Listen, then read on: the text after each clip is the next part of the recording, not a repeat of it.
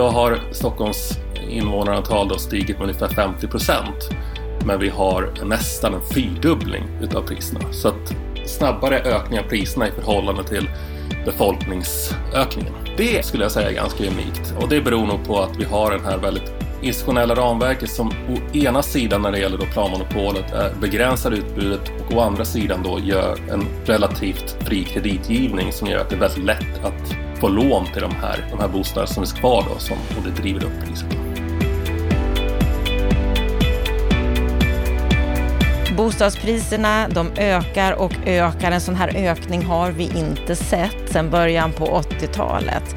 Är planmonopolet det grundläggande problemet till att vi har ett för dåligt utbud av bostäder och att priserna bara ökar och ökar? De senaste årtiondenas kraftiga prisuppgång på bostäder i Stockholm är inte unik, utan en liknande uppgång den skedde även under andra halvan av 1800-talet. Den gången så slutade det med en hundraårig real stagnation för bostadspriserna. Hur det blir den här gången, det beror i stor utsträckning på vilka institutionella val som görs. Träffa Claes A.M. Eriksson, doktorand i ekonomisk historia, om vad det är som driver upp priserna, vad som liknar den här situationen vi hade på 1800-talet, men vad som är unikt med det vi ser hända idag och vad han skulle vilja se framåt. Varmt välkommen till Bopolpodden där vi idag ska fördjupa oss i bostadspriserna och vad det är som driver upp dem så mycket som vi ser hända just nu. Jag heter Anna Bellman, är mycket glad för att du lyssnar på vårt program. Är det så att du vill förkovra dig mer, ja då gör du det genom att gå in på bostadspolitik.se. Nu ska vi höra Claes A.M. Eriksson. Bostadspriserna de har bara ökat under pandemin, men den här situationen den är inte unik. På 1800-talet så fanns det en liknande ökning som vi har sett i Sverige de senaste decennierna och nu ska vi prata mer om den situation vi har idag och vad vi kan lära av historien. Varmt välkommen till Bopolpodden, Claes A.M. Eriksson. Tack så mycket. Vad är din sinnesstämning idag?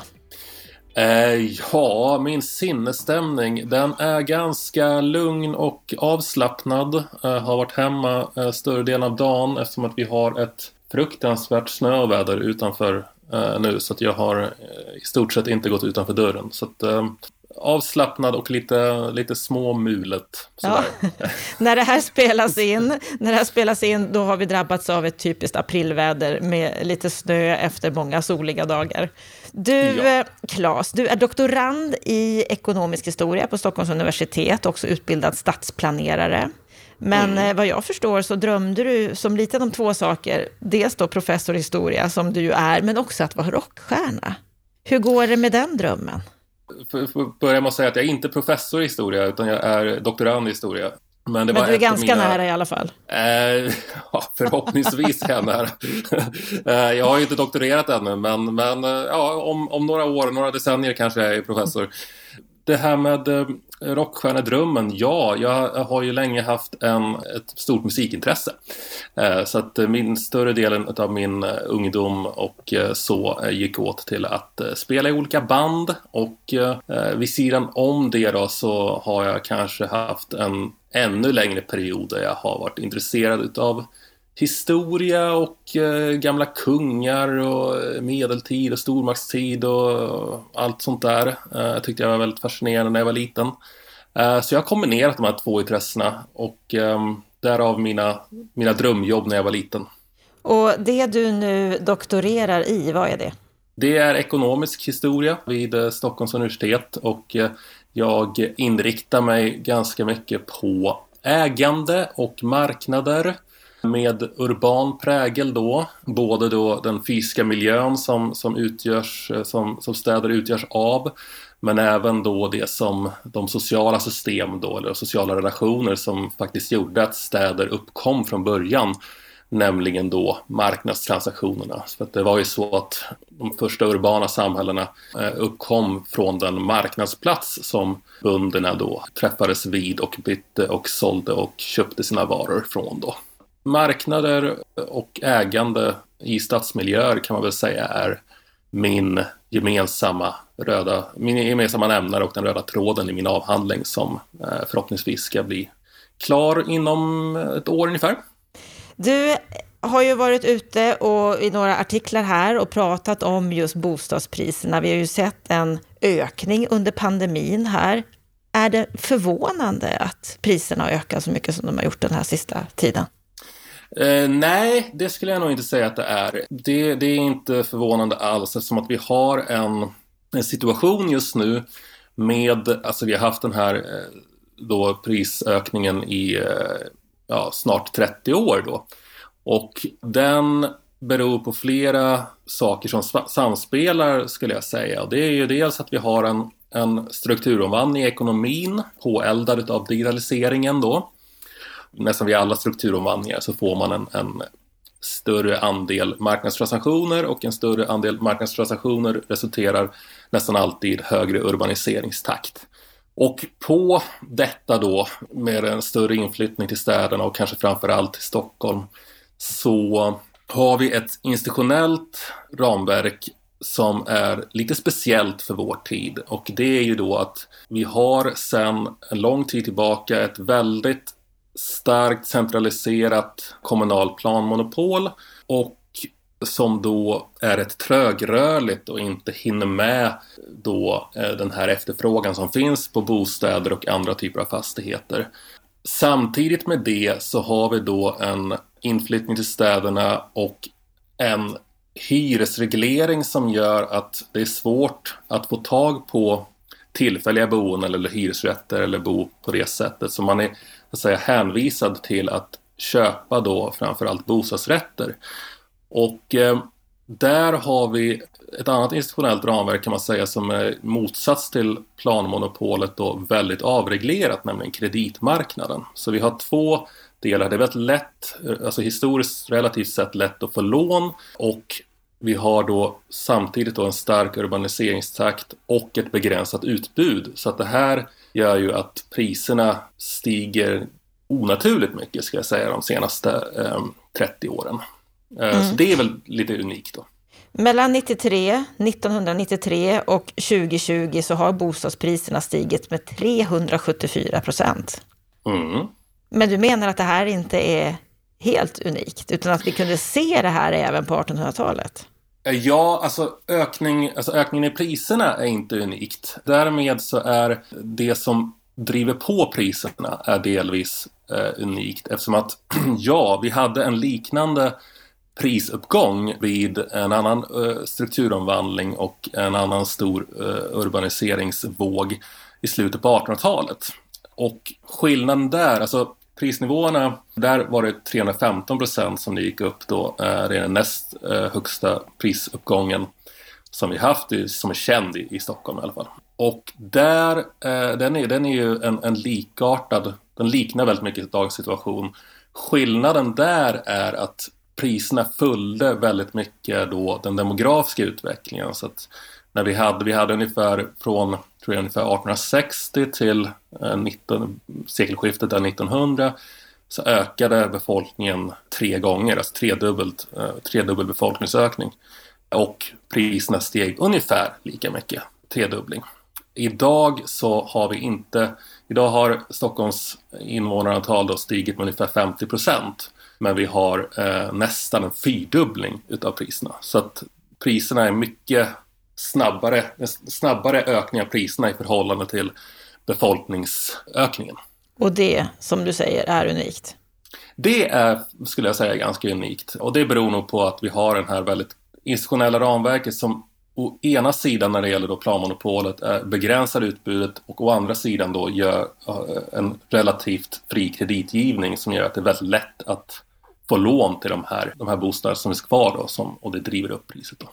Och om vi går tillbaka då till 1800-talet, som du sa, det var en strukturomvandling då också, en annan, en annan typ än den vi har sett nu på mm. slutet. Men den, den prisuppgången slutade inte med någon, med någon krasch, den följdes av en hundraårig stagnation. Vad var det som hände som gav oss den här stagnationen på prisutvecklingen? Det är flera saker, men, men jag pekar kanske, som jag är väldigt intresserad av det institutionella ramverket, alltså helt enkelt lagar, regleringar och, och, och hur man då designar marknader och sådär, så tenderar jag att titta ganska mycket på just de delarna. alltså rent institutionellt så, så, så vi får ju alltså en, en ganska radikal förändring av markpolitiken i början på 1900-talet i och med att vi inför tomträtten som i stort sett då gör att all mark i Stockholm över en natt i stort sett faller formellt i stadens ägo. Den, den är lite speciell den här eh, lagen då eftersom att man, de tidigare ägarna då får en dispositionsrätt till den här marken som liknar väldigt mycket en vanlig ägandesituation. Men formellt sett så har vi en, en struktur som gör att staden formellt äger marken. Det som man tidigare eh, kallade för fri och ofri grund. Då, alltså den ofria grunden var om man uppför en, en fastighet på, en, eh, på, en, på mark som staden ägde och fri grund eh, om man uppför en på mark som man själv ägde. Då. Så nu i början på 1900-talet så blev allting ofri grund. Då. Och det här möjliggjorde en massa olika reformer senare som bland annat kommunala planmonopolet, ett, ett successivt ökande av statligt och kommunalt bostadsbyggande etc. Och det sammantaget med en del materiella och, och faktorer som exempelvis att vi eh, fick ett världskrig och vi fick en tillfällig hyresreglering och vi fick massa saker gjorde att priserna stagnerade i förhållande till befolkningsutvecklingen. Så att befolkningen fortsatte stiga men priserna eh, stannade kvar på ungefär samma nivå. Och det här gjorde då eh, att om man tänker, även om vi är inne på det här med historiska perioder eller historiskt unika perioder så BNP eh, framförallt då i efterkrigstiden eh, ökade enormt men, eh, men bostadspriserna då eh, hängde inte med vilket gjorde att det var alltså, historiskt unikt billigt att bo under den perioden. Och du har ju pekat nu eh, på flera mekanismer som ju påverkar priserna, bland annat det här med kommunala planmonopolet. V vad tycker du om det? Eh, det kommunala planmonopol som vi har idag som är då baseras på kan man säga från början då från den här eh, lagstiftningen från 1907 eh, och, men som kanske får sin, sin struktur och sin utformning alltså först 1947. Den har flera problem skulle jag säga därför att den är uppbyggd kring en ekonomisk organisationsmodell som nog inte passar för det samhället, den ekonomi vi lever i idag. Upplägget kring det kommunala planmonopolet är i mångt och mycket en produkt av 1947 eh, års den plan och bygglagen som kom till stånd då. Den bygger på ett helt annat tänk kring ekonomin stort och kring byggande och stadsplanering än vad vi eh, är vana vid idag eller som kanske passar dagens samhälle så. Eh, vi hade då i slutet på 40-talet då en, en planhushållningsdebatt. Alltså alla de här socialistiska idéerna eh, då var mycket mer framträdande och det här med folkhemmet och det här med att man skulle bygga upp ett, ett nytt samhälle baserat på mer socialistiska idéer då. Det gjorde att den här strukturen som gör plan och bygglagen och det kommunala planmonopolet egentligen inte har en vanlig marknadsstruktur utan den har mer någonting som kan liknas vid en slags planekonomi i miniatyr med en sån inskränkning av exempelvis äganderätten till mark och byggnader som gör att det är svårt att tala om en fungerande marknad på det sättet att förvisso så har olika fastighetsägare då en formell, ett formellt ägande till sina sina fastigheter och så vidare. Men det planmonopolet med exempelvis detaljplaneringsförfaranden och så gör att man har väldigt lite makt över sin egen egendom så att säga, hur den ska utformas och så.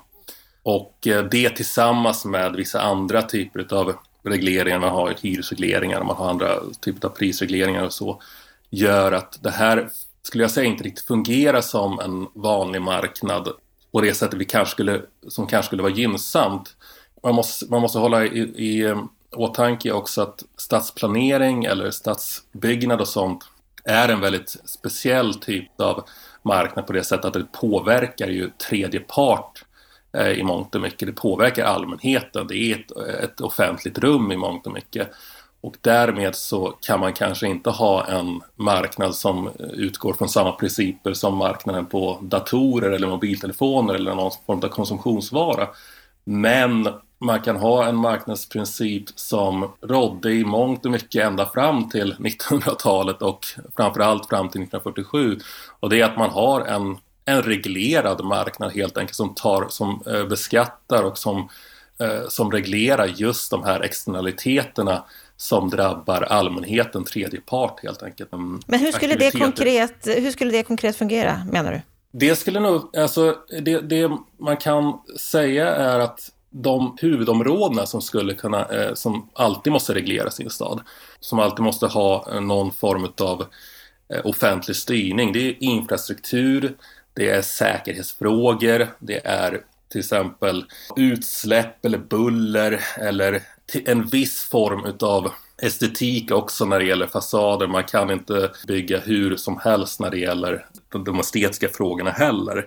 Skillnaden här är att den mängden utav detaljreglering som sker idag och som har varit gällande ända sedan 1947 den leder till andra bieffekter som exempelvis att det är svårt för privata byggherrar eller, eller, exploatörer att komma in på en marknad, att komma in och konkurrera med andra aktörer. Vi har nu till exempel en situation där ungefär 4 eh, till 5 aktörer nu bygger 90 procent utav allt fastighetsbestånd i, och det gäller hela Sverige. Ehm, från, om man säger den andra perioden som jag tittade på också då, eller som vi jämförde med tidigare, från 1800-talet, då är det alltså runt 300 aktörer på den här marknaden. Ja, du är kritisk. Ja, del, absolut, jag är kritisk. Vi har ju en, en situation där tillgången ju är lägre än efterfrågan. Bostadsbrist pratar vi mycket om. Och jag skulle bara vilja kolla med dig ur ett historiskt perspektiv. För idag har vi ju otroligt många ensamhushåll, allt i Stockholm. Mm. Som jag tänker också gör att bostäderna inte räcker när vi bor en och en och en i våra bostäder. Hur, hur har det sett mm. ut historiskt? När det gäller bo, alltså tätheten, eh, alltså, sammans, alltså hur, hur många man bor på i en bostad. Exakt, vi, vi bor väl på ett helt annat sätt idag än vad vi gjorde ja, förr? Ja, precis, precis. Nej, men man hade ju helt klart större familjer förr och eh, man hade hyresgäster. Framförallt under den här perioden, slutet på 1800-talet, så var det ju många som kom in från landet som hyrde av andra familjer och så. Nej, men vi var definitivt mer trångbodda förut. Det, det, kan vi vara ganska säkra på. Visst har eh, ensamhushållen eh, ökat eh, under 1900-talet och det är ju säkerligen en, en stor del av, av eh, skälen till detta är väl eh, dels då ett större offentligt byggande och vissa då, eh, normer för hur stora lägenheterna skulle, kunna, skulle, skulle vara då. Men även då de här inlåsningseffekterna eh, som eh, kommer utav en hyresreglering då. Om då, då du har en exempelvis en änka i en stor lägenhet på eh, 100 kvadratmeter, låt säga. Som eh, då barnen har flyttat ut och eh, då mannen kanske har dött då. Och då, om det är då en hyresreglerad lägenhet så kan det till och med vara så att det är en förlustaffär att flytta till någonting mindre. Och det är institutioner också. Man har, man har då uppmuntrat till en form av eh, större ensamhushållskvot eh, i Sverige. Och det är, det är vad jag förstår så är väl eh, Sverige unikt när det gäller, jag tror att vi, vi ligger i alla fall i toppen av andelen ensamhushåll i världen. Och så har vi ju en situation idag där, där priserna har ökat väldigt mycket. De har ökat under pandemin. Vi har ju också nu en låg ränta. Det pekar ju allt på att den kommer att vara kvar. Människor mm. vill ju också, vad jag förstår, bo större. Kommer mm. den här prisuppgången att fortsätta, tror du?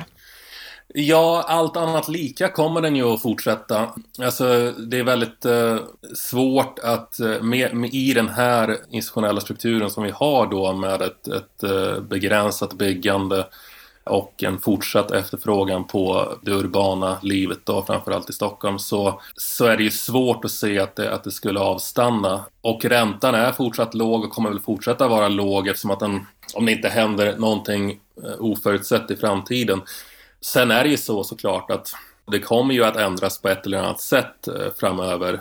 Jag tänker att jag har väl, eh, som jag även har sagt i intervjuer tidigare, att det finns två vägar man kan gå här lite grann. Att antingen får man se till att avreglera det kommunala planmonopolet och då eh, de här hyresregleringarna för att då kunna ja, sätta igång en klassisk, en klassisk marknad när det gäller bostadsbyggande och komma ifatt då det här enorma efterfrågan som finns. Eller så får man ta den andra vägen och det är det att eh, införa offentligt byggande igen av typen då miljonprogramsbygg och sådär. Vilket också säkert skulle eh, utjämna priserna över, över tid då. Men skulle det vara um, önskvärt att få den typen av byggande igen? Eh, alltså om du frågar mig så, så är det väl inte riktigt önskvärt eftersom det finns vissa problem med den typen av bygge också. Det är svårt att veta eh, när man då centraliserar byggandet på det sättet var någonstans som det finns efterfrågan i staden och var, alltså var folk vill bo och var det finns efterfrågan från näringsliv och så vidare. Alltså det, tillgå marknaden effektivt via en, ett så centraliserat byggande blir svårt tror jag. Så jag skulle kanske då, eh, jag tror väl kanske mer på den andra modellen. Oavsett vilket, oavsett vad jag tror, finns det andra problem som kommer med det här också som man måste hantera. Och det är att vi har ju såklart en stor klass nu, vi står i en stor samhällsklass som har, eh, äger bostadsrätter och som är högt belånade och som inte kommer vilja se såklart sina bostäder falla i värde. Och där har du en enorm paradox. De har ju ett intresse av att eh, det fortsätter att, eh, att deras tillgångar fortsatt värdefulla. Medan ja, samhället i stort har ett intresse av att det ska ha en fungerande bostadsmarknad, och fungerande stats, eh, stadsbyggnad och en fungerande ekonomi i stort. Uh, så att den här paradoxen måste man behandla på något sätt och det är väl också kanske lite grann ett, ett, eh, skäl till att jag tycker att eh, ett successivt avreglerat planmonopol och ett, en successivt avreglerad hyresmarknad är ett bättre steg egentligen för att det kommer ske då mer stegvis än ett exempelvis ett nytt miljonprogram och så. För det, då kommer inte det slå så, så hårt så snabbt. Men tror du att det skulle vara möjligt att genomföra? Att göra ett successivt avreglerande av planmonopolet och hyresreglering? Absolut. Det är, det är möjligt att göra. Det, det är svår, det, det, är absolut, rent tekniskt och rent ekonomiskt så är det inga konstigheter alls att göra någonting sånt. Eh, det svåra är ju att få igenom det politiskt. Eh, för det är där den stora knäckfrågan ligger. Hur ska man få ett incitament för politiker som väljs var fjärde år att, att göra sådana här långsiktiga reformer utav en, av samhällsekonomin och av så. Det är den stora knäckfrågan. Men det har ju skett tidigare. Eh, det är ganska ovanligt, men det har skett. Vi, vi hade ju en sån våg på 80-talet till exempel, 70, 80, 90-talet med en avreglering av gamla eh, monopol som Ja, någonting som jag skriver om i min avhandling bland annat är ju Televerket och telekommarknaden. Den var ju också monopoliserad kring en aktör, då Televerket. Likaså Stockholmsbörsen, stort sett en monopolmarknad där också, men den avregleras också under samma period. Liksom massa andra som inte jag tar upp i min avhandling, men det, vi har ju en, en rad andra branscher som har varit tidigare monopol eller oligopol eller en slags kooperation mellan stat, stat och kapital så att säga, men som har eh, avreglerats under den perioden. Och där finns det ju forskning som visar på hur det här går till i praktiken också. Eh, och det är, det är fullt möjligt, men det är den, som sagt, den stora frågan är, den stora knäckfrågan är eh, det politiska där tror jag. Mm. Och att, som du säger, det är korta cykler där, fyra år och mm. det är ett och ett halvt år till nästa val. Och mm. det här kanske inte är något man går till val med. Nej, inte, inte under eh, normala omständigheter, nej. Så om vi ska försöka sammanfatta det här. Vi har en situation där priserna har de senaste tre decennierna stigit enormt mycket. Vi vill kanske inte ha samma fortsättning av de här enorma prisstegringarna samtidigt som du säger också, vi har ju en paradox. Vi vill inte mm. att våra bostäder ska minska i värde. Mm. Så Nej, visst, visst. Det här att människor skulle flytta ut på landet och, och ha Zoom-möten och, och kan det vara ett scenario framåt? Mm. Det, det, är klart, allting kan ju hända. Det är svårt att spå eh, människors beteende i framtiden. Men ska man titta på, alltså det som kännetecknar vår tid nu, det är ju de här upprepade strukturella omvandlingarna av ekonomin som kommer allt tätare. Alltså vi, ända sedan industrialismen i stort sett så har vi massa, haft massa olika teknologier då som har stöpt om ekonomin och det här fortsätter ju allt allt tätare intervall. Vi är mitt uppe i digitaliseringen, vi kommer väl snart få in det här med AI och, och massa andra innovationer som kommer stöpa, stöpa om ekonomin rejält. Och när sånt sker, om man tittar på det historiskt, alltså ända sedan vi införde skriftspråket på antiken, eller, när vi, eller eh, ännu tidigare såklart, men när det, när det slog igenom på, på Eh, eller för den delen boktryckarkonsten och, och egentligen alla andra moderna omvandlingar utav, utav strukturella omvandlingar av ekonomin, då får vi en högre urbaniseringstakt. Vilket inte är så konstigt eftersom att man, när man ökar marknadstransaktionerna så tenderar de att koncentreras till urbana landskap eftersom att det är där som marknaden i regel finns. Och man kan, man kan argumentera för att digitaliseringen är speciell eftersom att den möjliggör då transaktioner över långa geografiska Alltså man, kan, man kan vara på ett annat ställe på jorden och, och, ha marknadstransaktioner på det sättet. Men där visar jag också i min avhandling i en artikel där att den här eh, sharing economy eller plattformsekonomin tenderar i sin eh, konsumtionssidan att vara väldigt geografiskt förankrad till en, till en viss plats. Va? Och samma argument skulle man kunna lägga på i stort sett varenda teknisk innovation som har skett sedan sen liksom boktryckarkonsten att ja, men ångmaskinen möjliggjorde också större transaktioner mellan, mellan folk som bodde på olika ställen i världen och så vidare. Och likaså förbränningsmotorn eller flyget eller vad som helst. Liksom. Så att där tror jag inte egentligen att digitaliseringen är speciellt mycket mer unik än någon annan sån omvandling. Utan städerna kommer nog att bli än mer viktiga framöver och det kommer ske snabbare och snabbare. Så nu, nu har vi väl gått över den här gränsen mellan att, att eh, 50 procent av jordens befolkning bor i städer och enligt de flesta konjunkturinstitut så är det väl någonting som kommer fortsätta. Så vi kommer fortsätta bo i våra städer.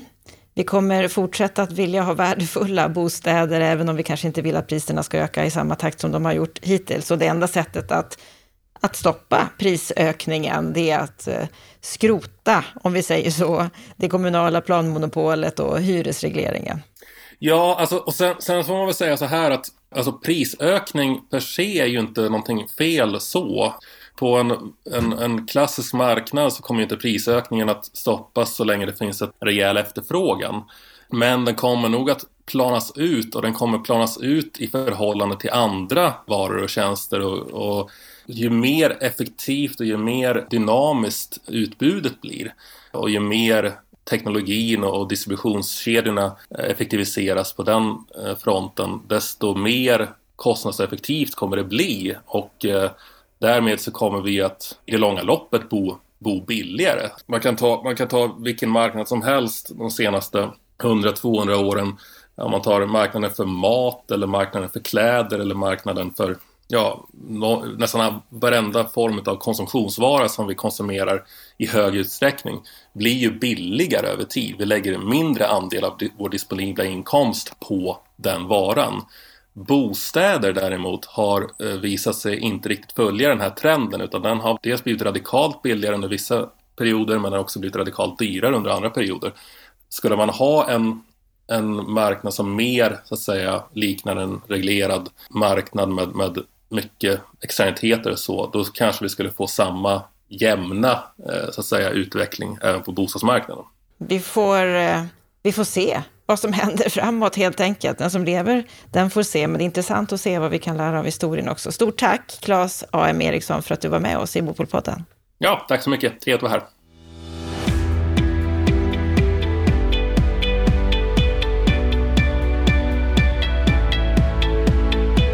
Då har vi hört samtalet med Claes A.M. Eriksson. Vad säger du om det här samtalet, Lennart Weiss? Kul att få in en ekonomhistoriker i eh, podden måste jag säga. Ehm, det kanske är så att vi skulle ha den här typen av historiskt perspektiv lite oftare. Ehm, han eh, är ju intressant därför att han har ju studerat, eh, vad ska jag säga, eller håller på att studera orsakerna bakom de stigande priserna de senaste decennierna och kopplar dem ju väldigt starkt till vissa institutionella aspekter utav eh, bostadsmarknaden. Det är det han uppehåller sig kring. Vad tycker du om hans eh, slutsatser som han kommer fram till i, i det här att planmonopolet är en, en stor del i det hela? Ja, han säger ju så här att eh, han utgår ju från staden som livsform, hur har den tillkommit? Och den har tillkommit genom att den, den var en marknadsplats. Man gick till, till marknaden och bytte varor och, och, och det blev sen då så att säga, startpunkten för byggandet av städer. Och de senaste decennierna så har den här utvecklingen accentuerats utav den tekniska utvecklingen, inte minst digitaliseringen, den har spett på urbaniseringen. Men att priserna har stigit beror väldigt mycket på, menar Claes då, att vi har ett planmonopol som gör att utbudet är allt för lågt. Vi har en styrd eh, markpolitik som gör att producenterna inte kan producera i förhållande till konsumenternas eh, efterfrågan och han pekar också på hyresregleringen. Och då säger han att priserna stiger onaturligt på ägarmarknaden och den här utvecklingen har vi egentligen sett då eh, eh trendmässigt sedan planmonopolet infördes eh, 1947. Planmonopolet som då begränsar utbudet. Det är hans liksom grundläggande tes kan man säga. Och håller du med honom om den tesen att det här är vårt problem med de stigande priserna? Alltså han har ju inte fel i det och det är ju ingen tvekan om att eh, vi, vi sen plan och bygglagen då infördes i början på 70-talet i praktiken har fått en, en, en ransoneringspolitik. Plan och bygglagen, när den då eh, skrevs i början på 70-talet, skrevs ju delvis som reaktion på miljonprogrammet och det var viktigt att då föra in ett antal kriterier för för eh, bostadsplaneringen som gjorde att man, man, man undvek misstag man hade gjort tidigare, det vill säga ännu mera politik då. då. Och det är, ju, det är ju här som Stefan Attefall och Ulf Perbo har gjort ett stort arbete för att lägga fram förslag för hur man ska kunna få en mera marknadsdriven, efterfrågedriven eh, markpolitik. Han har rätt i det avseendet att planmonopolet har eh, vissa problem. Men, men jag tycker samtidigt att det finns vissa bekymmer i hans slutsatser därför att han, han landar i slutsatsen att antingen så får man avreglera planmonopolet eller så får man återinföra ett, ett, eh, ett omfattande offentligt byggande och det betyder i praktiken offentligt finansierat byggande. Eh, jag är inte alls så säker på det utan eh, det kan tycka är ett litet problem med hans argumentation, det är att han uppehåller sig ensidigt mycket på utbudsfaktorer. Men efterfrågan spelar ju också stor roll. Och eh, om, om, man har det som utgångspunkt och, så, och studerar 1900-talets bostadspolitik eller bostadsmarknad med andra glasögon, och det är ju det jag har gjort då, eh, mer på amatörbasis, så kunde jag ju konstatera att sen början på 1900-talet så har det alltså tillsatts en, ofta två bostadspolitiska utredningar per decennium. Och varje sån utredning har ställt frågan, hur ska vi få ekonomiskt svaga att kunna efterfråga eh, de bostäder de de facto behöver. Alltså de utredningarna har ställt det bostadssociala problemet i fokus. Så även innan planmonopolet så fanns det ett problem och det var bostadssocialt. Och när man nu ska skruva ihop det här, då måste man få utbud och efterfrågan att så att säga ligga i balans med vartannat. Om vi skulle avskaffa planmonopolet men inte vidta några andra åtgärder, då skulle vi i praktiken skapa en bostadsmarknad på producenternas villkor. Men jag tycker att konsumenterna måste in i det här sammanhanget också. Och då vet vi att konsumenterna på en fri marknad har olika förutsättningar, det vill säga svagare hushåll måste stöttas. Ehm, och det här tror jag man kan skruva ihop. Eh, jag menar, det, det är ju det som är hela liksom grundackordet som eh, många av oss som är i bostadsdebatten driver. Att vi ska liksom främja utbudet genom olika politiska reformer och vi ska stötta efterfrågan. De här två sakerna behöver gjutas ihop och att vi behöver förändra eh, utbudsrelaterade aspekter på politiken. Det är uppenbart, så så långt håller jag med om. Det gör jag. Det han bland annat tar upp här i samtalet det är att han menar att det få stora entreprenörer, bara några stycken, som bygger mesta delen av det som byggs i stora städer. Vad, vad säger du om det här? Ja, det är ju helt fel. Jag, jag studsade på det. Han sa att det är tre till fyra aktörer som bygger 90 procent av våra bostäder i de större städerna. Och då funderade jag en stund, menar han bygger? Menar han alltså entreprenadföretag eller menar han developers, alltså bostadsutvecklare? Men det spelar ingen roll vilket han menar, för han har fel i båda fallen.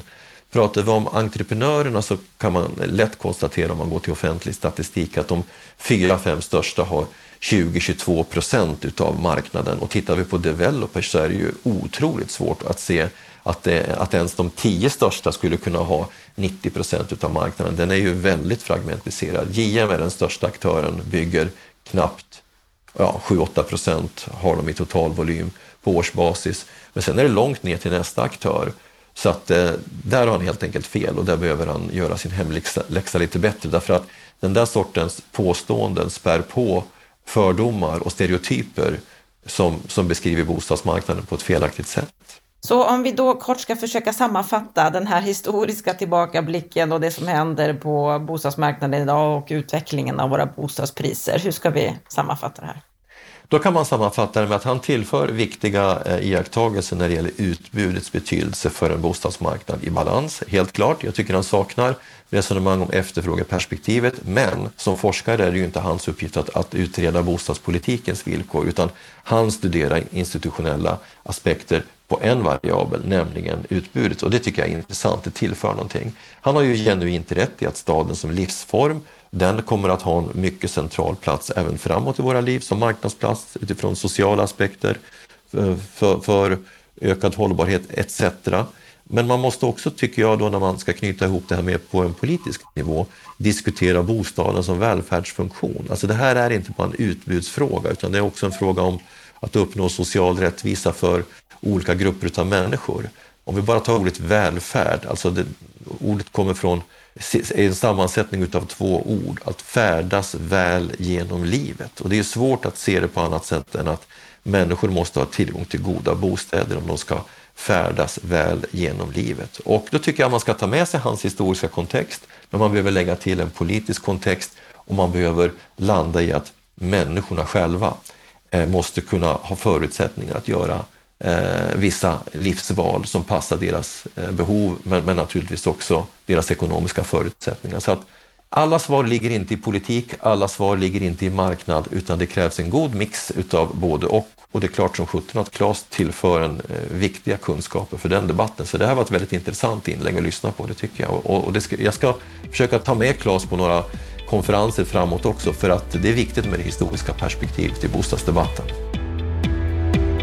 Då har vi hört samtalet med Claes A.M. Eriksson och Lennart Weiss kommentar på det. Då har det blivit dags för en repris av veckans Aktuellt som vi sände i fredags. Under veckan som har gått så har bland annat vår statsminister Stefan Löfven varit ute i media i affärsvärlden och sagt att han vill avvisa återinförd fastighetsskatt. Att om klyftorna i Sverige ska fortsätta bekämpas, att jämlikheten i landet ska stärkas och då ska vi inte ha någon ny fastighetsskatt. Vad säger du om det här, Lennart Weiss? Ja, det är helt uppenbart att det här hänger ihop med en valrörelse som vi är i någon sorts tidigt förstadium av. Man har ju gjort den analysen från Socialdemokraterna sedan länge att man förlorade valet 2006 på fastighetsskatten och den nära döden upplevelsen som man en gång har varit, eh, gått igenom, den vill man inte uppleva igen. Och sen finns det ju ytterligare ett skäl till att man stänger dörren så hårt och det är ju att två stora eh, partidistrikt inom det socialdemokratiska partiet, Stockholm, Stockholms stad och eh, Skåne har motionerat eh, om att återinföra någon form av fastighetsskatt. Det har villägarna uppfattat som att den gamla fastighetsskatten ska återinföras och det har väl aldrig varit på tapeten så där tycker jag att man går lite väl långt. Men inte ens någon typ av reformerad fastighetsskatt eh, vill uppenbarligen Stefan Löfven ha på den politiska agendan nästa år, utan han vill stänga den dörren en gång för alla. Och om jag får citera en mening bara ur den, eh, det Facebook-inlägg som han har gjort och som sen har citerats av media så säger han så här.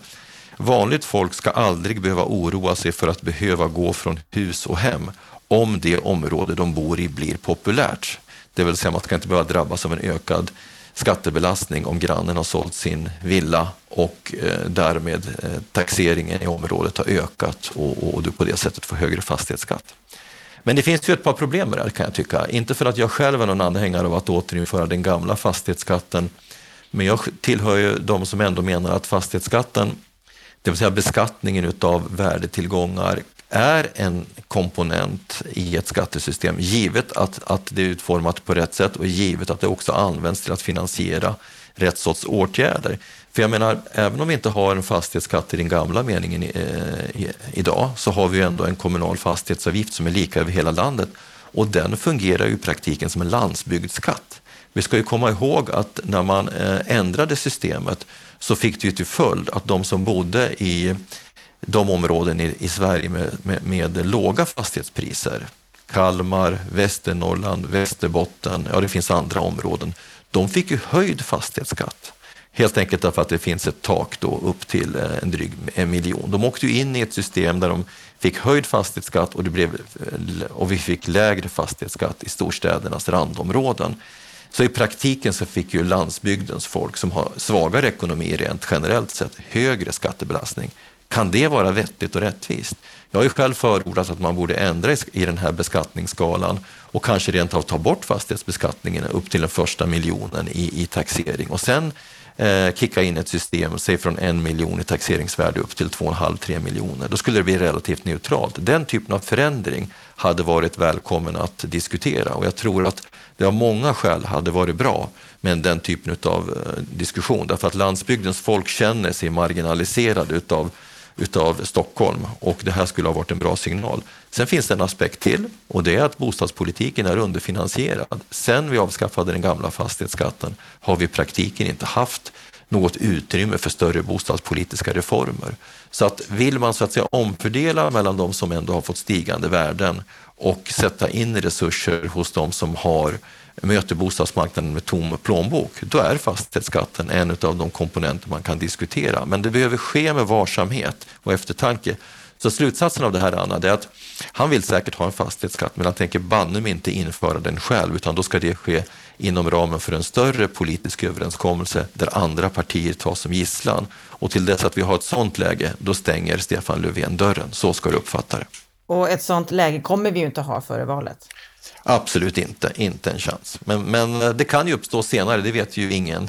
Men han tänker i varje fall inte eh, lägga den bilan eh, runt sin hals inför en, ett val. Det, det är nog tämligen klart efter det här uttalandet. På svt.se så kan vi läsa och höra att priserna på villor har stigit kraftigt det senaste året, fortsätter upp. Det här är ju ingenting nytt, men nu har SBAB kommit ut med ett prisindex där de menar att den här ökningstakten av bostadspriserna är den högsta sedan man började mäta på 1980-talet. Ja, det är fascinerande ehm, och det är klart att ehm, att villapriserna i vissa eh, regioner har ökat med 25 procent på ett år är ju uppseendeväckande. Det är inget snack om det. Det han säger här, Robert Boye som är chefekonom på SBAB, det är att vi har egentligen inte sett en sån här stor prisuppgång någonsin. Men ska man hitta någon period där priserna har ökat ungefär lika mycket så får man gå tillbaka till slutet av 80-talet. Och det han menar är det största problemet, det är att kommuner inte planerar marktilldelning för byggande av småhus. Det här har vi ju kommenterat mm. förut. Ja, och man kan ju säga att Stefan Attefall kommenterade saken indirekt i sin ledare förra veckan. Eh, jag menar, det är ju uppenbart att kommunen är en del av problemet här. Eh, Robert Boye pekar ju på att villornas andel av, total, av, den totala nyproduktionen har gått från 45 till cirka 20 procent per år eh, om vi jämför nuläget med tillståndet för 25-30 år sedan. Och det är en effekt av att eh, eh, kommunerna helt enkelt inte prioriterar villaboendet som i sin tur Eh, är en effekt av ett planeringsideal som finns hos, i både politiska kretsar men också eh, de tjänstemän som jobbar på stadsbyggnadskontoren. Och det beror ju på att man har ju föreställningen om att den täta staden är eh, bäst ur hållbarhetssynpunkt. Bor vi tätare så, så behöver vi inte resa lika mycket, transportera oss lika mycket och då blir det bra. Men, men eh, som Stefan då påpekar i sin ledare för en vecka sedan så finns det för det första inget skäl att, att eh, driva den hypotesen utifrån idén om den dynamiska staden, de här så kallade agglomerationseffekterna täthetseffekterna som påverkar tillväxten positivt finns med koppling till arbetsmarknaden, inte till bostadsmarknaden. Återstår då miljöargument och där tycker jag man kan peka på eh, rön som så att säga stödjer både det ena och det andra argumentet en sak är i varje fall klar och det är ju att väldigt många människor vill bo i villa. Det, det erbjuder en, en attraktiv livsmiljö, boendemiljö och jag tycker själv att eh, eh den här frågan behandlas alldeles för svartvit i debatten. Och, och, har vi nu ett sådant stort konsumenttryck på villor så att det leder till en 25 i prisuppgång, då måste man ju såklart öka utbudet. Allt annat vore ju någon typ av planhushållningsekonomi som vi i alla andra sammanhang är emot. Så kommunerna behöver ta ett större ansvar här, tilldela mer mark och förstå att människor vill bo i småhus. Det är hög tid att vi får en debatt om det och jag tycker det är bra att TMF, alltså trähusföretagens intresseorganisation, driver den här frågan, liksom villaägarna. Men även andra behöver gå in i den här debatten och ta diskussionen med de som företräder det här andra, ska säga, miljöorienterade planeringsidealet. De har naturligtvis inte fel, men man kan adressera miljö och klimatmål på olika sätt. Och jag tror inte, jag tror inte att en sån analys skulle visa att det är en absolut motsägelse, motsättning mellan att bygga villor och att, ehm, eh, att eh, samtidigt eh, adressera miljö och klimatmålen. Jag tror att det går att få ihop det där ganska väl med, med en genomtänkt samhällsplanering. Och just det här med bostadspriserna, de har också varit uppe på ett annat ställe. Det är den sista nyheten vi ska ta upp här i veckans Aktuellt. Det är finansutskottets utfrågning av Riksbanken gällande penningpolitiken, där huspriserna var uppe till diskussion flera gånger. Vad, vad handlade det här om? Ja, alltså finansutskottet gör ju den här typen av fördjupande utfrågningar då och då som du och andra lyssnare och läsare utav våra sajter och poddar vet så har jag ju varit och är väldigt kritisk till finansutskottets utfrågningar. Jag tycker att de är lama tillställningar och styrs väldigt mycket av gästerna. Och det var väl delvis på samma sätt den här gången också, men kanske en liten, liten uppryckning. Men det som var den mest intressanta med det hela var ändå vad, finans, eh, vad Riksbanken sa i sak. Eh, det var intressant på två sätt. För det första så eh, är det ju så att de har precis presenterat en promemoria som heter Fördjupning, snabbt stigande bostadspriser trots eh, coronakris. En liten eh, PM på 10-11 sidor där man går igenom olika möjliga hypoteser till varför priserna har stigit så kraftigt det senaste året. Och det intressanta med den promemorian det är ju att den helt underkänner Finansinspektionens ganska slarviga analys utav sambandet ökade priser och den amorteringspausen som då blev någon sorts motiv för Thedéen att, att återinföra eh, amorteringarna från den 1 augusti. De sågar ju den hypotesen fullständigt utan de, de, menar att när de går igenom möjliga samband, till exempel samband med stigande inkomster eller fallande räntor eh, eller eh, ökat sparande eller vad det nu är, så kommer de ju fram till att man kan inte, eller en, en, stigande börs, så kan man inte förklara hela prisuppgången bara med den sortens faktorer. Utan ehm, eh, de säger istället så här, sammantaget kan utvecklingen av bostadsräntan och den disponibla inkomsten bland hushållen inte motivera de snabbt stigande bostadspriserna det senaste året. Förklaringarna måste därför sökas på annat håll. Ja, en av de hållen har vi precis pratat om med referens till Robert Boye, bristande utbud på till exempel villor. Men längre ner så säger de så här att eh, när de har gått igenom eh, aktiepriser och de har gått igenom eh, de amorteringsfria lånen, man avfärdar alltså den hypotesen, så kommer man ju fram till att det har mer frågan om livsstilsförändringar. De, de skriver då citat, en tänkbar förklaring till att hushållen vill lägga mer pengar på sina bostäder är att, de har mer, är att mer tid till, tillbringas i hemmet. Och sen analyserar man det och så konstaterar man att det faktum att hushållen under pandemin har fått en mer styrd konsumtion. De har inte kunnat resa utomlands och konsumera kapitalvaror på, på, på samma sätt som förut. Så har de ökat sitt sparande och så har samtidigt deras livspreferenser eh, förändrats. Och det har gjort då att eh, man inser att man kanske kommer att jobba på ett annat sätt efter coronakrisen. Det är alltså relativt stabila förändringar över tid. Och, det, och då har det bidragit till att man har sett över sitt bostadsbehov och med mer pengar i plånboken, det vill säga ökat sparande, men också stöd av andra saker som låga räntor och så, så har helt enkelt hushållens efterfrågemönster förändrats. Så att den här promemorian ger ju väldigt starkt stöd för att det finns särskilda coronaeffekter eh, livsstilseffekter som, som har påverkat den här starka prisuppgången och det får i sin tur stöd av ekonomiska ramvillkor som låga räntor, stabil börs, ökat sparande. Men det finns inget stöd för att det skulle ha varit på något vis amorteringspausen eller ett slarvigt beteende hos hushållen eller att bankerna har ändrat sin kreditpolicy. Det finns inget stöd för det överhuvudtaget. Så för den journalist som, som granskar det här lite noggrannare och jämför vad Thedéen respektive Ingves säger kan ju plötsligt konstatera att Riksbanken uttrycker sig mycket mer nyanserat och det är tack vare tjänstemännen på Riksbanken som har gjort en väldigt bra promemoria och det är värt att uppmärksamma i sammanhanget. Så att sammanfattningsvis, utbudsproblemen är en faktor men också förändrade preferenser hos hushållen. Och då är frågan, kommer det att stå sig? Det vet vi inte, men jag tror att vi kommer att ha en mer kvardröjande efter coronaeffekt. Jag tror faktiskt det. det. det. hör jag redan nu när vi börjar prata om hur vi kommer att bete oss på jobbet efter corona. Det, det, även om vi vill tillbaka till kontoren av vissa skäl så vill vi inte tillbaka riktigt på samma sätt som förut. Och det talar ändå för att eh, den här trenden kommer att hålla i sig ett tag. Jag tror det i varje fall. Att bostadspriserna ökar, det är inget unikt. Däremot så har vi inte sett den här otroliga ökningen på mycket, mycket länge. Redan på 1800-talet hade vi en otrolig ökning av bostadspriserna. Så det finns mycket vi kan lära av historien, men det finns också det som är helt nytt. Det har vi fått veta i dagens Bopolpodden där vi har träffat Claes A.M. Eriksson. Med detta så hoppas jag att du får en riktigt, riktigt trevlig vecka och att du fortsätter att lyssna på Bopolpodden.